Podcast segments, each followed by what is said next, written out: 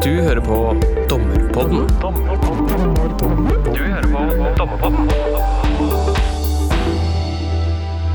Tema for dagens episode er ungdomsstraff og ungdomsoppfølging. To relativt nye straffealternativer for ungdom som kom i juli 2014. Bakgrunnen for at vi fikk disse straffereaksjonene, var først og fremst et ønske om å lage et reelt alternativ til ubetinget fengsel der en ungdom har begått alvorlig eller gjentatt kriminalitet, og samtidig ivareta de særlige hensynene som gjør seg gjeldende når lovbryteren er ung. På dette tidspunktet så hadde vi riktignok samfunnsstraff, men lovgiver ønsket en enda mer fleksibel og individuelt tilpasset reaksjon enn det samfunnsstraffen åpner for. Vi dommere vi må innimellom vurdere om ungdomsstraff eller ungdomsoppfølging kan være egnede straffealternativer. Og For å kunne gjøre det, så må vi vite hva ungdomsstraff og ungdomsoppfølging er, og også hva som er forskjellen på de to reaksjonene. Hva er det vi bør tenke på når vi skal vurdere om dette kan passe for den ungdommen vi har i salen, og hva er det som egentlig skjer etter at dommen er avsagt? Med meg i studio i dag for å snakke om straffealternativer for ungdom har jeg fått med meg Frøydis Heierdal og Tov Midtsund Nordbø. Velkommen hit. Tusen takk. Takk for det. Dere er eh, begge fra Konfliktrådet. Eh, Hva er det dere jobber med der? Vi jobber i Sekretariatet for konfliktrådene. Det er en etat som er underlagt eh, Justisdepartementet og har det nasjonale ansvaret for den faglige og administrative driften av de tolv konfliktrådene vi har rundt i landet. Jeg er jurist eh, og jobber med fagutvikling av disse straffereaksjonene som vi skal snakke om i dag. eh, Og jobber i det som er en avdeling for fagutvikling sammen med TOV. Nettopp. Og to heter det. Eh, Utdanna sosiolog og jobber i samme avdeling som Frøydis, i SFK. Men jeg har også permisjon fra en stilling som ungdomskoordinator i Konfliktrådet Oslo. Der er da jeg ansvarlig for, eh, for straffegjennomføringen til de ungdommene som får eh, ungdomsstraff eller ungdomsoppfølging. Det er det det vil si å være ungdomskoordinator, eller har du lyst til å utdype litt mer? Vi skal Ja. sikkert komme inn på det senere. men- Ja, vi kommer nærmere inn på, eh, på det etterpå. Men en ungdomskoordinator, eller UK som eh, de ofte blir kalt, det er de som er ansvarlig for å koordinere og lede eh, straffegjennomføringene eh, til de ungdommene som blir idømt ungdomsstraff eller ungdomsoppfølging. Eh, Og så er det sånn at Konfliktrådet har, eh, vi har ikke egne tiltak, eh, med unntak av det som heter gjenopprettende prosess, som vi også skal snakke mer om etterpå. Eh, Men eh, vår primæroppgave er å å hanke inn tjenesteutøvere eh, i kommunen der ungdommen bor, og etablere et oppfølgingsteam eh, som skal følge opp ungdommen i straffegjennomføringsperioden. Og dere er jo da, som vi akkurat har snakket om, fra Konfliktrådet. Og hvorfor, altså hvorfor er det Konfliktrådet og ikke kriminalomsorgen som følger opp disse eh, sakene? Det er sånn, det er, det er vi ikke helt vant til. Vi er vant til kriminalomsorgen, men hva, hva er bakgrunnen for det? Da man fikk disse straffereaksjonene, så hadde man generelt fokus på at man ønsket å bruke konfliktråd mer i forhold til unge lovbrytere. Man så at det kunne ha en veldig god effekt, både for lovbryteren og ungdommen selv, men også for fornærmede. Eh, og så hadde man parallelt testet ut oppfølgingsteam, også tett oppfølging, eh, som er et viktig element av, i disse straffereaksjonene. Dette hadde man testet ut forskjellige steder, bl.a. Eh, i konfliktrådet i Trondheim. Og evalueringen av disse eh, pilotprosjektene viste at det hadde Altså det var en ja, eh, det ga gode resultater, da, den modellen som var tilknyttet konfliktråden. Så det er i hvert fall noe av bakgrunnen til at det ble lagt til konfliktrådet, at vi da er en straffegjennomfører og ansvar for disse straffereaksjonene. Mens det er kriminalomsorgen som er ansvar for de andre straffereaksjonene vi har. Også samfunnsstraffen. Ja. Mm. Ja, bare før vi går løs på materien, så lurte jeg på om det er mulig å si noe sånn, sånn cirka Hvor mange er det vi snakker om altså per år? Hvor mange ungdommer er det vi snakker om som blir dømt til ungdomsstraff eller, eh, ungdoms, eller, får, eller får ungdomsoppfølging? Også totalt siden 2014 så har det vært ca. 2800 ungdommer som har fått disse to straffereaksjonene. Eh, Ca. 30% av sakene får vi fra domstolen.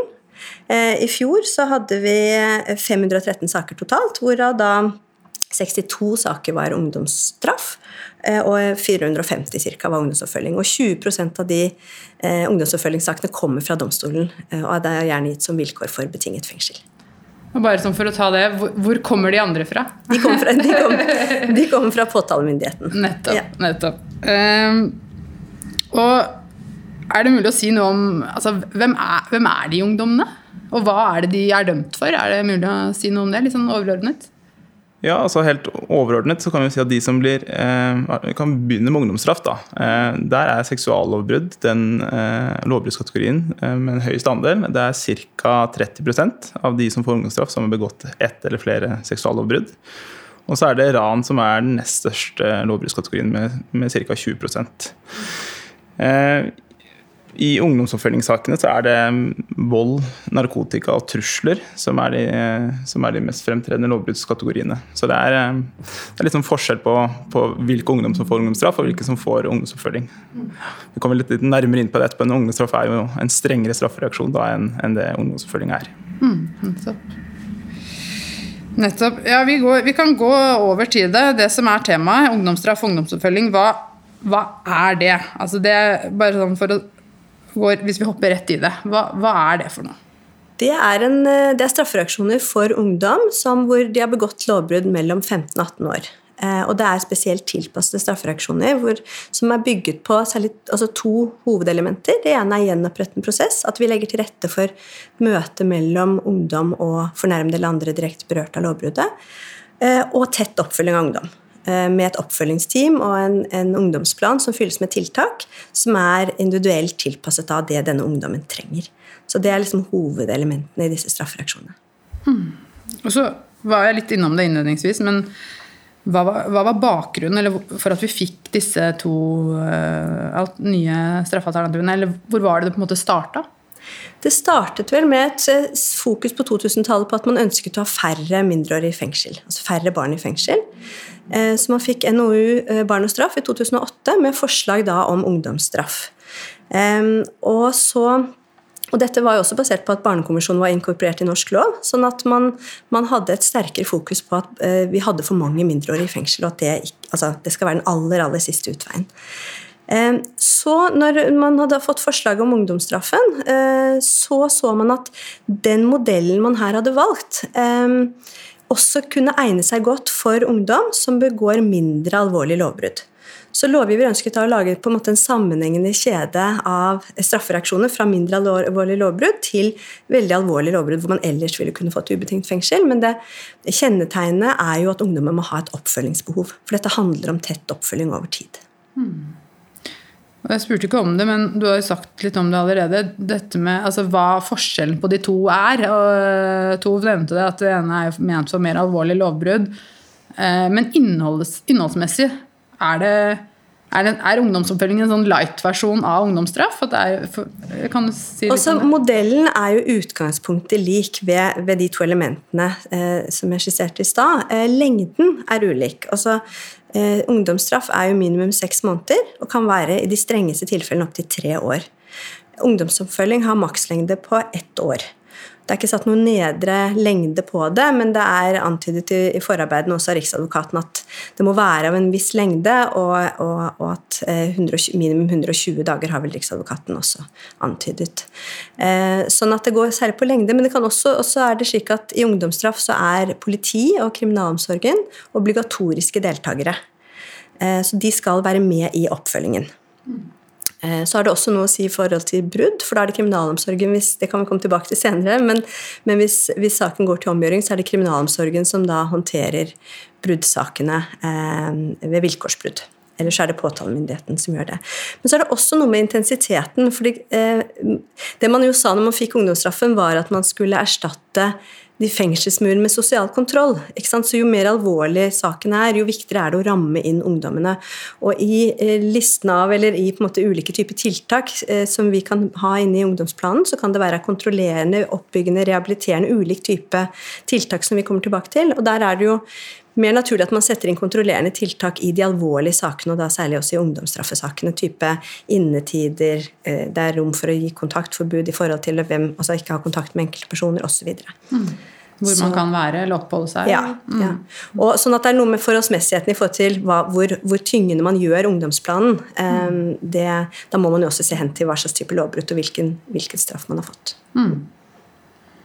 Nettopp. Og Sånn, eh, hvor er det vi er i, i, loven i forhold til disse to straffealternativene? Frødis? Ungdomsstraff er eh, regulert et eget kapittel i straffeloven, eh, og hvor vilkårene er beskrevet i 52a, straffelov 52a.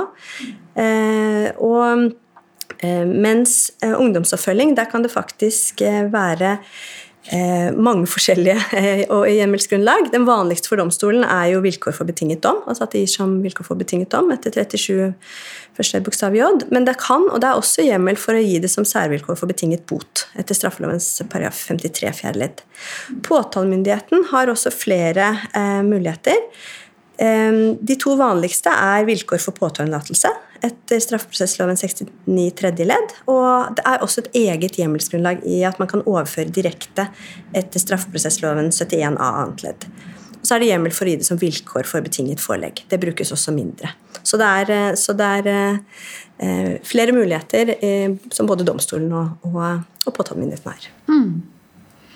Og disse vilkårene for oss, da, hvis du tar de som er relevant for oss hvis Du, du sa 52 A, og så har vi den, den muligheten i forhold til som vilkår for betinga dom i 30 87J, var det det du sa? Mm. Altså, hva er på en måte grunnvilkårene for oss da, for å kunne idømme det ene eller det andre?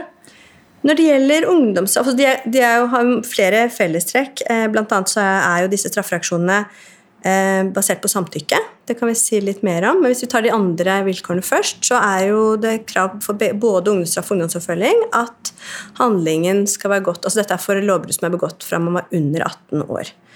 Eh, så har, vi, så har Høyesterett uttalt at dersom hovedlovbruddene, altså de alvorlige lovbruddene, har vært begått eh, under 18 år, så, så, kan man også innlemme hvis det er mindre alvorlige lovbrudd etter 18 år. Eh, det også ligger inne i et forslag fra, i forbindelse med en lovrevisjon, altså et høringsnotat som er sendt ut. Men hovedpoenget er at lovbruddene, altså det er for lovbrudd som er begått under 18 år.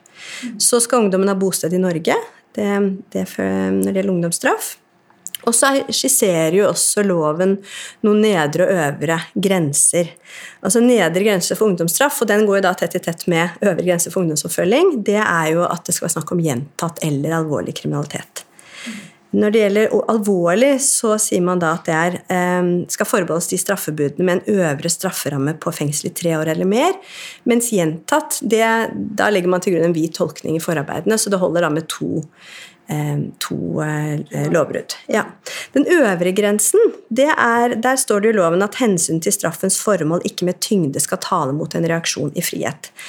Og her snakker man jo særlig om de grove seksuallovbruddene og drap. Men lovgiver var eh, Eh, altså de, de, det ble drøftet i forarbeidet man skulle avgrense mot f.eks. drap. Eh, det ønsket man ikke. Man, tenker, altså man la til grunn at det skal være en skjønnsmessig vurdering. Men, men, men at det er noen eh, lovbrudd som man tenker er så alvorlig at, at det skal hvert fall, altså, Hvor på en måte presumpsjonen snus, da. Det er vel det Høyesterett har sagt. Skal mer til på ja, ungdommens side? Da er på en måte presumpsjonen for at man da eh, for de alvorligste lovbruddene ikke eh, ilegger ungdomsstraff. Hmm. Um, og når det gjelder, Du var innom dette med lengde, må, men må, må, straffen være av en viss lengde for å kunne idømme ungdomsstraff? det er minimum seks måneder. Ja. Minimum seks måneder. Ja. Mm. Og så er det jo eh, dette med, med egnethet. Eh, og det, er, det, står ikke i loven for ungdomsstraff, det står når det gjelder ungdomsoppfølging, men det legges til grunn at, at man må jo vurdere om ungdommen er egnet til disse straffereaksjonene. Eh, ja, og Hvordan er dette i forhold til ungdomsoppfølging?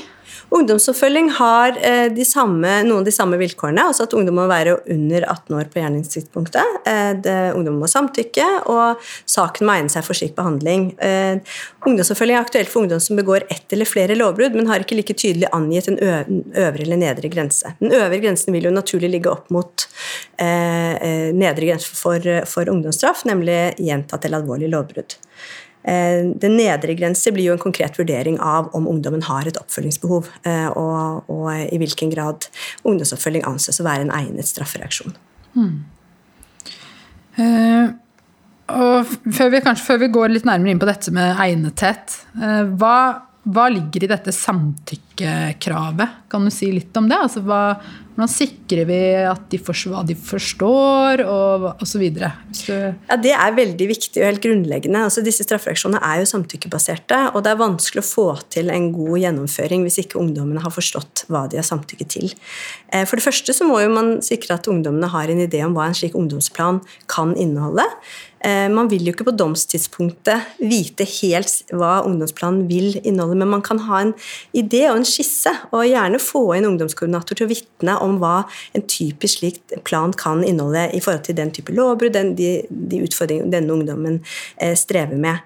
Eh, så må ungdommen også samtykke til gjennom, de generelle kravene som, som følger av konfliktrådsloven. Det går på utenlandsopphold osv. Det er en del tilsvarende som med samfunnsstraffen, at det er noen generelle krav som ungdom må være kjent med. Eh, og så er det jo dette med gjenopprettende prosess, at, at man må utforske eh, om ungdommen er, altså hvordan man stiller seg til å møte fornærmede. Det er viktig at ikke eh, den gjenopprettende prosessen blir en ny krenkelse av fornærmede. Derfor må man utforske hvordan vil ungdommen stille seg til å delta og møte eh, fornærmede eller andre berørte av lovbruddet. Mm. Og det med informasjon er jo også vet ikke om to Vil du si noe om det? Ja, du har kanskje vært inne ja. og vitnet i sånne saker og sagt vært... litt om hva som typisk kan være i denne planen, og hva dette går ut på? Ja, det har jeg gjort noen ganger. Eh, og det er jo innmari mye en ungdom eh, skal forstå eh, når det gjelder ungdomsstraff og ungdomsoppfølging. Altså, det er mange vilkår og det er mange momenter som på en måte går inn i disse straffereaksjonene. Så det å gi god informasjon, altså helt fra lovbruddet har blitt begått, altså i avhørssituasjonen og opp mot hovedforhandling, det er veldig viktig.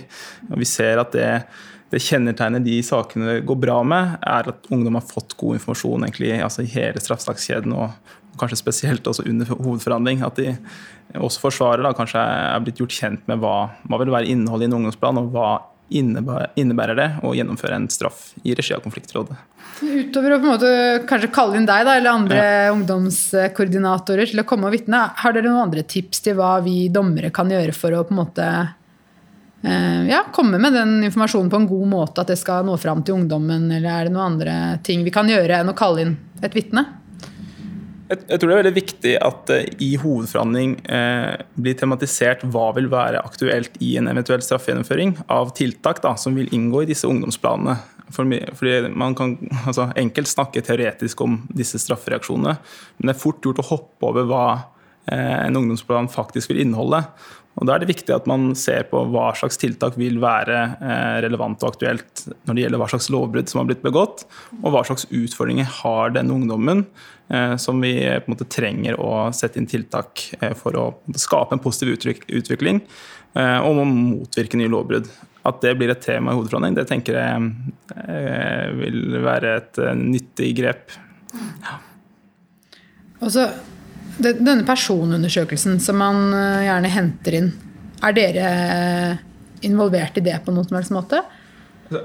Så alle de U18-sakene, eller altså sakene der det er en mindreårig som har begått et lovbrudd, og som går til retten, så, så, utarbeides det som regel en PUM. Hmm. I den ja, forbindelse. Ja, personundersøkelse ja, for mindreårige. Eh, og, og, og Konfliktrådet har et veldig godt samarbeid med Friomsorgen og innkalles ofte eh, til å gi ungdom informasjon om hva ungdomsstraff og ungdomsoppfølging er, eh, når det da utarbeides en personundersøkelse. Eh, andre ganger så innkaller konfliktrådet ungdommen til et eget møte eh, før hovedforhandling for å gi informasjon, og også kanskje si noe om hva innholdet i en ungdomsplan vil være. Sånn at, de, sånn at vi på en måte har sikret oss da, at de har, blitt, har fått god informasjon. Så skal vi kanskje også si litt om noe som heter eh, koordineringsgruppen, eller KOG. Som ja, er, hva er det? Eh, det er et rådgivende organ eh, som bistår påtalemyndighet i spørsmål om egnethet. Eh, og det man eh, gjør i KOG, det er at man eh, Altså i en KOG der sitter det representanter fra ulike etater. Fra barnevernstjenesten, fra kriminalomsorgen, konfliktrådet, fra påtalemyndigheten og fra politiet. Så hender det også at det er noen eh, fra spesialisthelsetjenesten eller eh, SLT, da, eller kommunal sektor, som drøfter eh, hvorvidt eh, den aktuelle ungdommen vil egne seg for en straffegjennomføring i konfliktrådet. Eh, og eh, da kommer denne gruppen da, med en anbefaling til påtale basert på opplysninger som er innhentet. Så kan vi si det fordelt på landets eh, Det er vel 53 koordineringsgrupper rundt om i landet, fordelt på landets 12 politidistrikter. Og det er en ganske utbredt praksis at, at alle U18-sakene eh, drøftes da, i, i, disse koordineringsgruppene eller KOG-ene før saken går til retten. Nettopp. Og det som på en måte kommer ut av det drøftelsesmøtet, eller den vurderingen fra KOG-en, det er det som da på en måte, det gis til påtale. Det gis ikke videre til domstolen, kanskje nødvendigvis, men det, det er det som på en måte er med på å bestemme hva Nei. de vil legge ned påstand om i hovedforhandlingen. Mm. Akkurat nå så er det sånn at KOG er eh, ikke lovpålagt. Eh, det er foreslått nå i, eh, i høringsnotatet til Justisdepartementet. Men, men, det er ikke sånn at det legges inn i, i liksom saken når den går til retten. Men, men det hender også at forsvarer blir, blir orientert om at altså klienten eller ungdommen da har blitt drøftet i KOG, sånn at man altså har en dialog da, om hva slags straffereaksjon som vil være Eh, egnet da, for, for den enkelte ungdommen. Er det mulig å si noe om hvem som på en måte blir drøftet i KOG? Er det, liksom, er det noen type saker, eller er det kan ja. si, altså Alle de sakene eh, der man eh, vurderer at ungdomsoppfølging eller ungdomsstraff kan bli et utfall, og ungdommen samtykker til drøftelse i KOG, de, de kan bli drøftet i, eh, drøftet i, denne gruppen med, med, fullt navn. Men så er det også en mulighet for, eh, for påtalemyndighet å melde inn saker anonymt hvis de ønsker eh, å få en tverrfaglig vurdering eh, rundt denne saken før den bringes til, til retten, når det gjelder spørsmål om, om ungdomsstraff eller ungdomsoppfølging kan være aktuelt. da.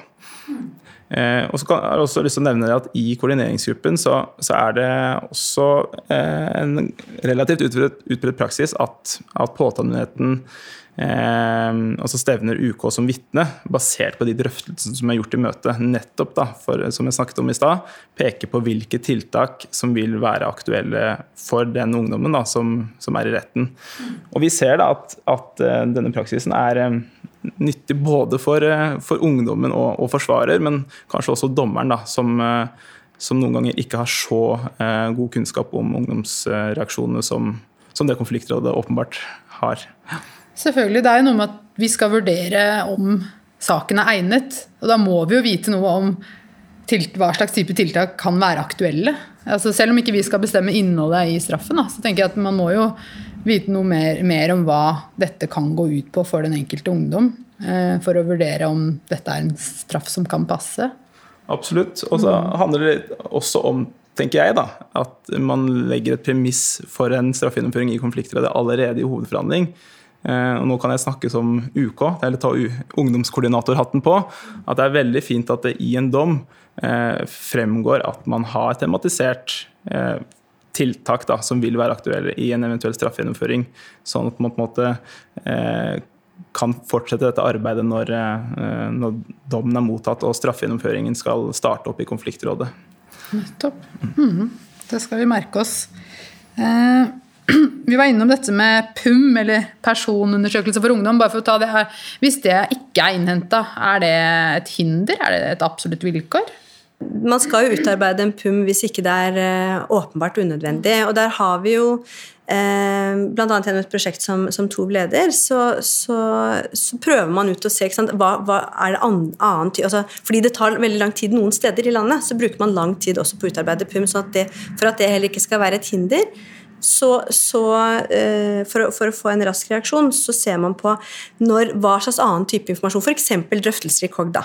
I noen tilfeller vil man kunne tenke at det kan erstatte. Uh, men som et utgangspunkt så skal man jo ha PUM i, i dag. Og så, så kom jo også Justisdepartementet i dette høringsnotatet som vi har nevnt flere ganger, med forslag om nettopp å, å tydeliggjøre litt i hvilke tilfeller kan man la være å ha PUM. Ja, nettopp. Disse reglene har jo nylig vært evaluert. Eh, det er foreslått en rekke endringer. Eh, jeg mener høringsfristen var i desember i fjor, altså 2020. Hva er det disse endringene går ut på? Endringene altså Først vil jeg egentlig si at evalueringen var jo tydelig på at dette er en modell man ønsker å gå videre med. Og at eh, man så på at kombinasjonen med tett oppfølging og gjenopprettende prosess var, eh, var eh, en god tilnærming til mange i denne målgruppen. og Det er jo noe av det som eh, Justisdepartementet i dette høringsnotatet viderebringer. Men så er det noen endringer, og det er behov for noen justeringer. og Det er bl.a. Eh, Nordlandsforskning som gjorde denne følgeevalueringen så, var jo at eh, det er behov for å se nærmere på dette med samtykke. Så det foreslår nå eh, Justisdepartementet at man skal ikke ha samtykke, men at man skal ha en tydeliggjøring av egnethetsvurderingen. Eh, og tydeliggjør også i lovforslaget at eh, ungdommen skal bli hørt, og at man skal vektlegge ungdommens ståsted. Men at det formelle samtykket foreslås da å fjernes. Eh, så var man opptatt av dette med, med å innføre en klageordning. Det var også noe Nordlandsforskning så på. For det er da altså ikke mulighet for ungdommen å påklage bl.a. tiltak i planen osv. Så, videre. så det foreslås det. Så foreslår å kombinere ungdomsstraff med ubetinget fengsel. Ehm, og den tverretatlige koordineringsgruppen som Tove nevnte, eh, den foreslås å lovfestes. Ehm, og også at konfliktråd skal komme inn tidlig og snakke med ungdommen, lage en skisse til plan, eh, foreslås lovfestet. Eh, og også et viktig funn i, denne evalueringen var at gjenopprettende prosess har mye for seg, men at man må jobbe enda mye mer med å få det implementert. Ikke bare i forhold til å møte eh, fornærmede, men også hvordan vi kan jobbe gjenopprettende i andre relasjoner. For det er noe av det vi også ser, at disse ungdommene strever jo ofte i mange relasjoner.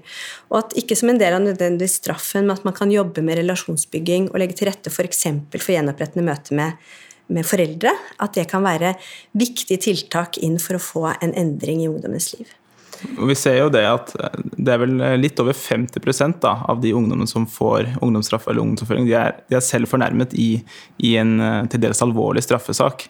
Så det, ofte så står de i ganske sånn kompliserte livssituasjoner med, med mange brutte relasjoner som, som, vi også eh, har et ekstra øye på, da, og ser om vi kan eh, bidra til å på en måte å å, styrke eller, eller, reparere noen, noen brutte bånd som de har med, med sine, sine nærme eller sitt lokalsamfunn. Mm. En annen ting som de også påpekte, og som har vært et som sterkt fokus, eh, er jo dette å få ned tiden. Det har vært snakket mye om at det tar for lang tid, og det tar for lang tid i alle ledd.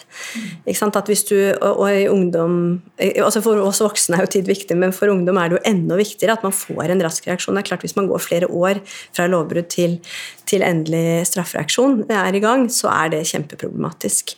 Så det er også noe som, som eh, vi jobber med i samarbeid med eh, andre, altså Politidirektoratet, Domstoladministrasjonen, Riksadvokaten osv. for å se på hvordan kan vi få ned tiden. Og Det tenker jeg også tilbake til praksisfeltet er så viktig. Man får til eh, rask etterforskning, rask beramming, at når vi får saken overført til oss, at vi kommer i gang raskt. Slik at, eh, at alle har et ansvar for å, for å kutte ned tidsbruken i alle ledd. For det betyr så mye for at straffereaksjonen skal ha en effekt, og at ikke ungdommens liv skal spinne videre i en negativ spiral. Selvfølgelig. Eh, da tenker jeg vi kan gå over til å snakke litt mer om hva som skjer når saken på en måte forlater domstolen. Da. Eh, etter at dommen er avsagt, eh, hva, er det som skjer da? Det første som skjer, det er at uh, ungdom og verge blir innkalt til en uh, kartleggingssamtale i konfliktrådet. Og det er et møte som, uh, som finner sted før selve straffegjennomføringen startes opp. I det møtet så, så går vi gjennom dommen sammen med, med ungdom og verger, og sikrer oss at de er kjent med hvilke forhold de er dømt for, og, og hvem som er fornærmet i, i saken eller i sakene. Sånn at vi allerede der kan starte forberedelsene til ett eller flere gjenopprettende møter. I tillegg så, så, tilstreber vi jo å få et oppdatert bilde på livs, livssituasjonen til uh, ungdommen. Sånn at vi kan uh, identifisere de tiltak som vi mener er vesentlige for å, for å motvirke nye lovbrudd. Og samtidig uh, skape positiv utvikling for, for ungdommen. og I den forbindelse så er vi veldig opptatt av i konfliktrådet å og få la ungdommen være med på å bestemme litt hva innholdet i, i eh, ungdomsplanen skal være. Og Årsaken til det er jo todelt. Eh, for det første så ser vi at et suksesskriterium ved disse straffereaksjonene er at ungdommen får, en, får, et eierskap til sin ungdomsplan. Og at vi ved å eh, få ungdommen til å påvirke hvem skal sitte oppfølgingsteamet, eh, også får knytta på eller kleba på eh, viktige støttepersoner som kan eh, altså, sitte i oppfølgingsteamet og, og støtte opp ungdommen under straffegjennomføringen, og kanskje enda viktigere etter at eh, straffegjennomføringen i konfliktrådet er avslutta. Mm. Og, og den planen, altså det, hva, hva er det vanlig å fylle disse planene med?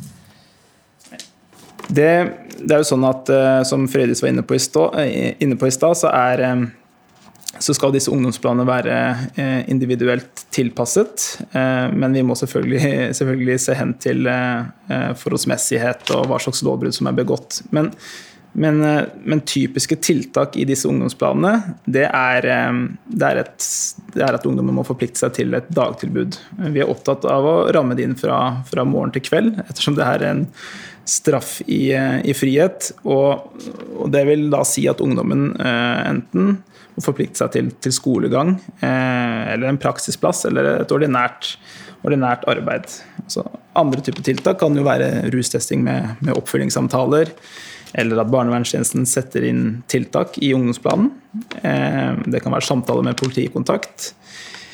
Eller det kan være samtale med, med spesialisthelsetjenesten eller eh, altså førstelinjetjenesten, altså en type helsesykepleier, hvor ungdommen eh, får oppfølging med tanke på de utfordringene de har. Og det kan være knytta til eh, vold og sinneproblematikk, eh, skadelig seksuell atferd, eller de utfordringene de måtte ha til altså rus, traumer osv. Altså, det oppfølgingsteamet som du da nevnte, de møtes da en gang iblant, vil jeg anta, gjennom straffen. Og de som sitter der, er vel da kanskje de som Det avhenger vel litt av hvilke tiltak som er i planen, vil jeg tro. Om det er en lærer, eller om det er en fra barnevernet, eller som du sa, politiet. Eh, Men kan du si litt om hva foreldrenes rolle er oppi dette? Ja, det kan jeg gjøre, og det, det vil variere litt. Vi vet jo at dette her er en, eh, det er en særlig utsatt målgruppe som får eh, ungdomsstraff og ungdomsforfølging som straffereaksjon. Eh, De har eh, ofte altså, lav tilknytning til, til viktige institusjoner, og vi ser også at det i noen tilfeller er utfordringer med at foreldrene kanskje ikke er til stede, ikke evner å følge opp ungdommen som ønsket. Em, så det vil variere hvorvidt, eh, eller hvor delaktige disse vergene er i, eh, i straffegjennomføringen. Men så lenge de har et vergeansvar, eh, så, så har jo de en rolle i oppfølgingsteamet. Samtidig så er det jo sånn at hvis vi i konfliktrådet ser at, at foreldrene på en måte ikke er tilstedeværende nok og klarer å følge opp ungdommen og minner på viktige avtaler og liksom støtter i straffegjennomføringen, Eh, Så som nevnt i stad, så er vi veldig opptatt av å finne de støttepersonene og de relasjonene i ungdommens altså enten familie eller i, i lokalsamfunn som, som kan bli de viktige ressurspersonene som, som eh, også kan være der etter en straffegjennomføring. Eh, og det, her viser jo også forskning at liksom for å hindre tilbakefall og, og snu en negativ utvikling hos ungdom, så er disse støttepersonene i ungdommens liksom, nærmiljø eh, og i private nettverk utrolig viktig. Og når dere har på en måte laget planen, eller fått begynt å bygge disse hva skal jeg kalle det, sosiale murene, eh, hva skjer der hvor ungdommen eh, ikke følger opp, eller ikke møter, typisk på skolen? eller Jeg kan kanskje først si at liksom felles for ungdomsstraff og ungdomsoppfølging, eh, så møtes oppfølgingsteamet en gang i måneden, eh, og da kontrollerer ungdomskoordinator at alle tiltakene i ungdomsplanen er fulgt opp. Og, og mellom disse månedlige møtene som man har i, i straffegjennomføringsperioden, så, så får jo ungdomskoordinator beskjed da, fra de tiltaksansvarlige hvorvidt avtalen i ungdomsplanen oppfylles.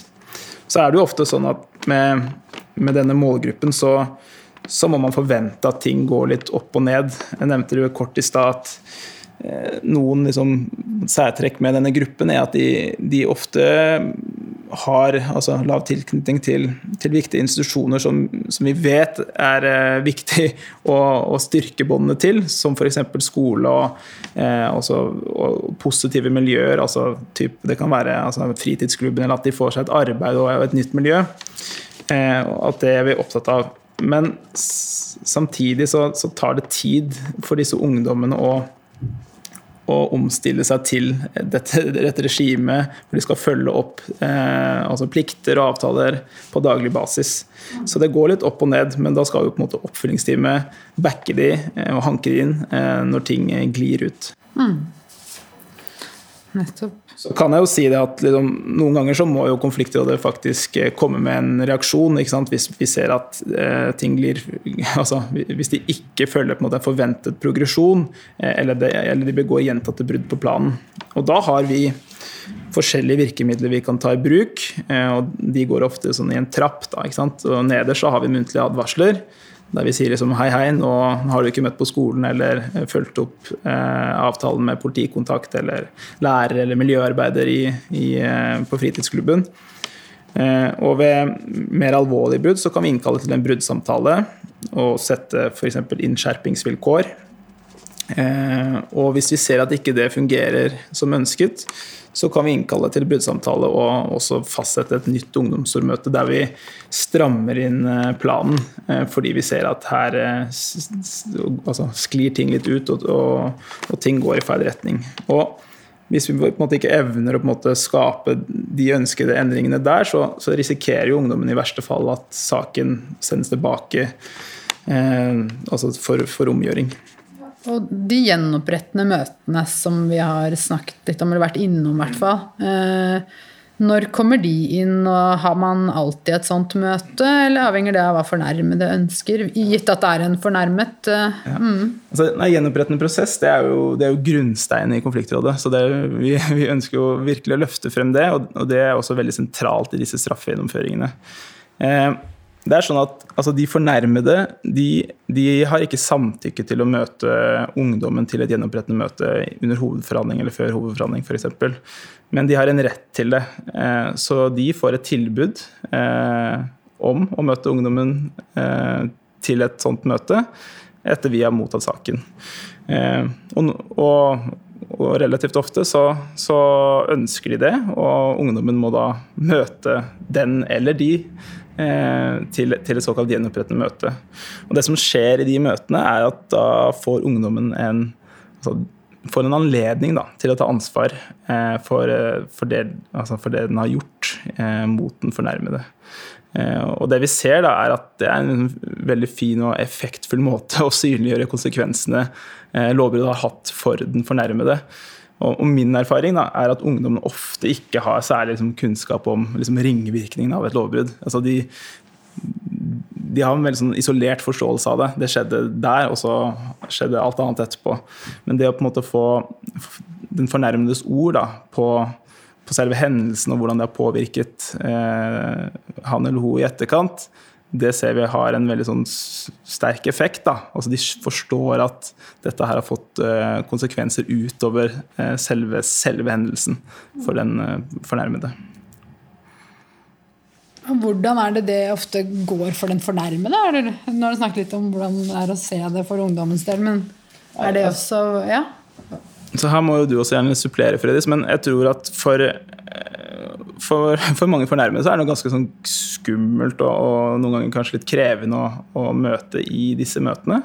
Nettopp fordi man, man har hatt en eh, kjip erfaring da, med, med denne ungdommen. Eh, samtidig så ser man jo det at når man liksom møtes i dette rommet da, og får satt ord på eh, hendelsen fra hver sin kant, så ser vi også at det har en veldig sånn god øh, og noe sånn rehabiliterende effekt for, for, den fornærmede. De får kanskje svar på noen spørsmål som de har gått og kverna på eller undra seg over. Um, som gjør at uh, livet blir liksom litt lettere å leve i etterkant. Da. Og Det kan liksom være noe så enkelt som Jeg hadde en sak en gang der ungdommen uh, veldig sånn kort og enkelt sa at liksom, hvis jeg møter deg på gata, så kommer jeg ikke til å gjøre noe. Og for den fornærmede så var det liksom Det var en eh, befrielse, på en måte. Bare høre de, de ganske enkle ordene der. Mm. For det handler vel mye om også å få tryggheten tilbake. Mm. Så, så, det å, å, å, møte den som har gjort noe, det kan være, være, helt avgjørende for å komme seg videre, rett og slett. Og kanskje særlig for ungdom som er fornærmet, for det er jo ikke så uvanlig at det er ungdom som både, altså, som både er gjerningsperson og, ja, og, fornærmet. ikke sant? Og det å kunne sykle til, eh, til, treningen uten å være redd for at det skal skje noe, eller, eller bevege seg ute for øvrig, det, det, betyr masse. Absolutt. Og så er det også, så er det også min erfaring at den fornærmede ofte også ser mennesket bak liksom, den kriminelle eller den lovbryteren eh, hos ungdommen. Og for ungdommen så er også det en liksom, ålreit opplevelse, tror jeg. da, Fordi man kommer inn i det møtet der med den merkelappen at eh, du har gjort noe galt. Eh, Og ofte så blir det sånn at man forlater rommet med et håndtrykk og, og liksom ser litt forbi, og kanskje også har lagt bak seg hendelsen. Og at det også er en veldig sånn fin eh, start da, på, på, noe nytt. Men så er det også sånn, da, det må vi jo si at det, det, er ikke alltid vi får til å fasilitere disse møtene med fornærmede. Altså Enten fordi fornærmede ikke vil, eller fordi altså Vi har også såkalte offerløse saker, type narkotikalovbrudd. Eh, det, liksom, det er ikke en direkte fornærmet. Har man da gjenopprettende møter med typ foreldre og den type gjenoppretting, eller? Ja, det kan man ha. Altså, det kommer jo Jeg tenker at man skal ikke snakke på vegne av alle, alle konfliktrådene i Norge, men man gjør gjerne en konkret vurdering. Og hvis det har vært eh, Jeg hadde en sak en gang der der en uh, ungdom altså hadde begått et narkotikalovbrudd, hvor ingen på en måte var direkte fornærmet. Men politiet hadde da slått seg inn i leiligheten uten at foreldrene visste om det. Og for foreldrene så var det en ganske sånn voldsom hendelse. ikke sant? de visste ikke at ungdommen sin ruste seg, og de visste heller ikke at politiet skulle slå ned døren og, og ransake huset. Så I det tilfellet der så hadde vi litt fokus på eh, hvordan foreldrene hadde opplevd eh, at ungdommen da hadde begått et lovbrudd som fikk denne konsekvensen av at politiet slo seg inn i leiligheten. Så da hadde vi på en måte eh, et fokus på å reparere den skaden og den tilliten da, som hadde fått en liten knekk mellom, mellom ungdom og, og, foreldrene i den saken. Så Det er en måte som vi kan jobbe gjenopprettende på i de sakene hvor man liksom ikke har en sånn direkte fornærmet av selve lovbruddet. Og så kan man jo si at eh, liksom, lov, altså, Selv om det ikke er en fornærmet, så skal man jo eh, adressere lovbruddet. Altså, det er ikke sånn at man hopper rett til tiltak og liksom bare hva trenger du videre, men også ha en samtale på den ene eller andre måten da, med ungdommen i forhold til å ansvarliggjøre og reflektere rundt hva betyr det for de rundt en, og hva betyr det for samfunnet hvis ikke det er direkte fornærmede. Da. Så, sånn at man blir ansvarliggjort og, og ja, og det er nettopp den prosessen som, som er veldig viktig eh, når det gjelder å, å adressere lovbruddet. Og, og, i de sakene der hvor fornærmede ikke av en eller annen grunn ikke ønsker å møte eh, ungdommen eller den tiltalte til et gjenopprettende møte, så, så finnes det andre måter å, å få kommunisert inn eh, den fornærmedes opplevelse. Eh, og vi har flere eksempler på at eh, de fornærmede ikke ønsker å møte, men likevel eh, formidler, formidler hvordan de har opplevd hendelsen, i form av at de, de sender et brev eller spiller inn video, eller kommuniserer det på, på, på andre måter. og Senest for noen uker siden så, så, var det en ungdom som fikk tilsendt et brev fra, et, fra, en, fra en, fornærmet der, der hvor de hadde eh, vært i en eh, altså Det var en voldshendelse. Eh, og hvor de på en måte sto litt sånn steilt på hva som hadde skjedd. Men dette brevet fra den fornærmede da, det, det gjorde veldig inntrykk på denne ungdommen. ikke først og fremst pga. hva som skjedde under hendelsen, men, men liksom ringvirkningene og, og, og den redselen som, som fornærmede skrev. Og på bakgrunn av, av det brevet da, så ønsket da den ungdommen å og, sende et svar tilbake, som, eh, som er et godt eksempel og en fin beskrivelse på hvordan, hvordan man kan jobbe liksom bredt, da, gjenopprettende, eh, og, og, starte liksom endringsarbeidet med ungdommen på den måten. Til slutt tenkte jeg vi kunne snakke litt om hvilke erfaringer dere har med ungdomsstraff og ungdomsoppfølging eh, så langt. Funker dette her, Frøydis? Ja, det er en økende grad av gjennomføring, altså fullføring. Altså, I fjor så var det 78% på landsbasis. Det varierer noe mellom konfliktrådene, og det har vært stigende hele veien. Eh, og det tenker vi at når man ser hen til hvilke ungdommer det er snakk om, så er det egentlig veldig bra. Eh, så, så vi opplever at dette er meningsfulle straffereaksjoner som i mange tilfeller fører til endring. Men, men, selvfølgelig ikke alltid. Altså, mange av disse ungdommene strever veldig mye. Og, og, det er jo derfor det også er så viktig å se på dette med egnethet. Altså, hvilke, hvilke, saker er egnet for, for straffereaksjon? Og det må øh, og, forberede ungdommene godt på hva, hva kan de vente. Mm. Det det, tenker at det er der det ikke fungerer? Der hvor man på en måte ikke har gjort gode egnethetsvurderinger, eller er det mulig å trekke noe ut fra når er det som på en måte ikke når er det ikke funker? på en måte? Er det Altså, eh, Man kan ikke bare legge på det eh, at man ikke har gjort en god nok egnethetsvurdering. For det, og det viste jo også den evalueringen, følgeevalueringen fra Nordlandsforskning, at det kunne jo variere. Man er opptatt av motivasjon, det vil man sikkert også utforske under hovedforhandling. Er ungdom motiverte? Men så viser det seg at motivasjon er jo veldig relativt. ikke sant? Man kan være motivert i en periode, så går det opp og ned. Og, og ungdom som kan virke veldig lite motivert, kan man plutselig få til store og gode prosesser med, og vice versa.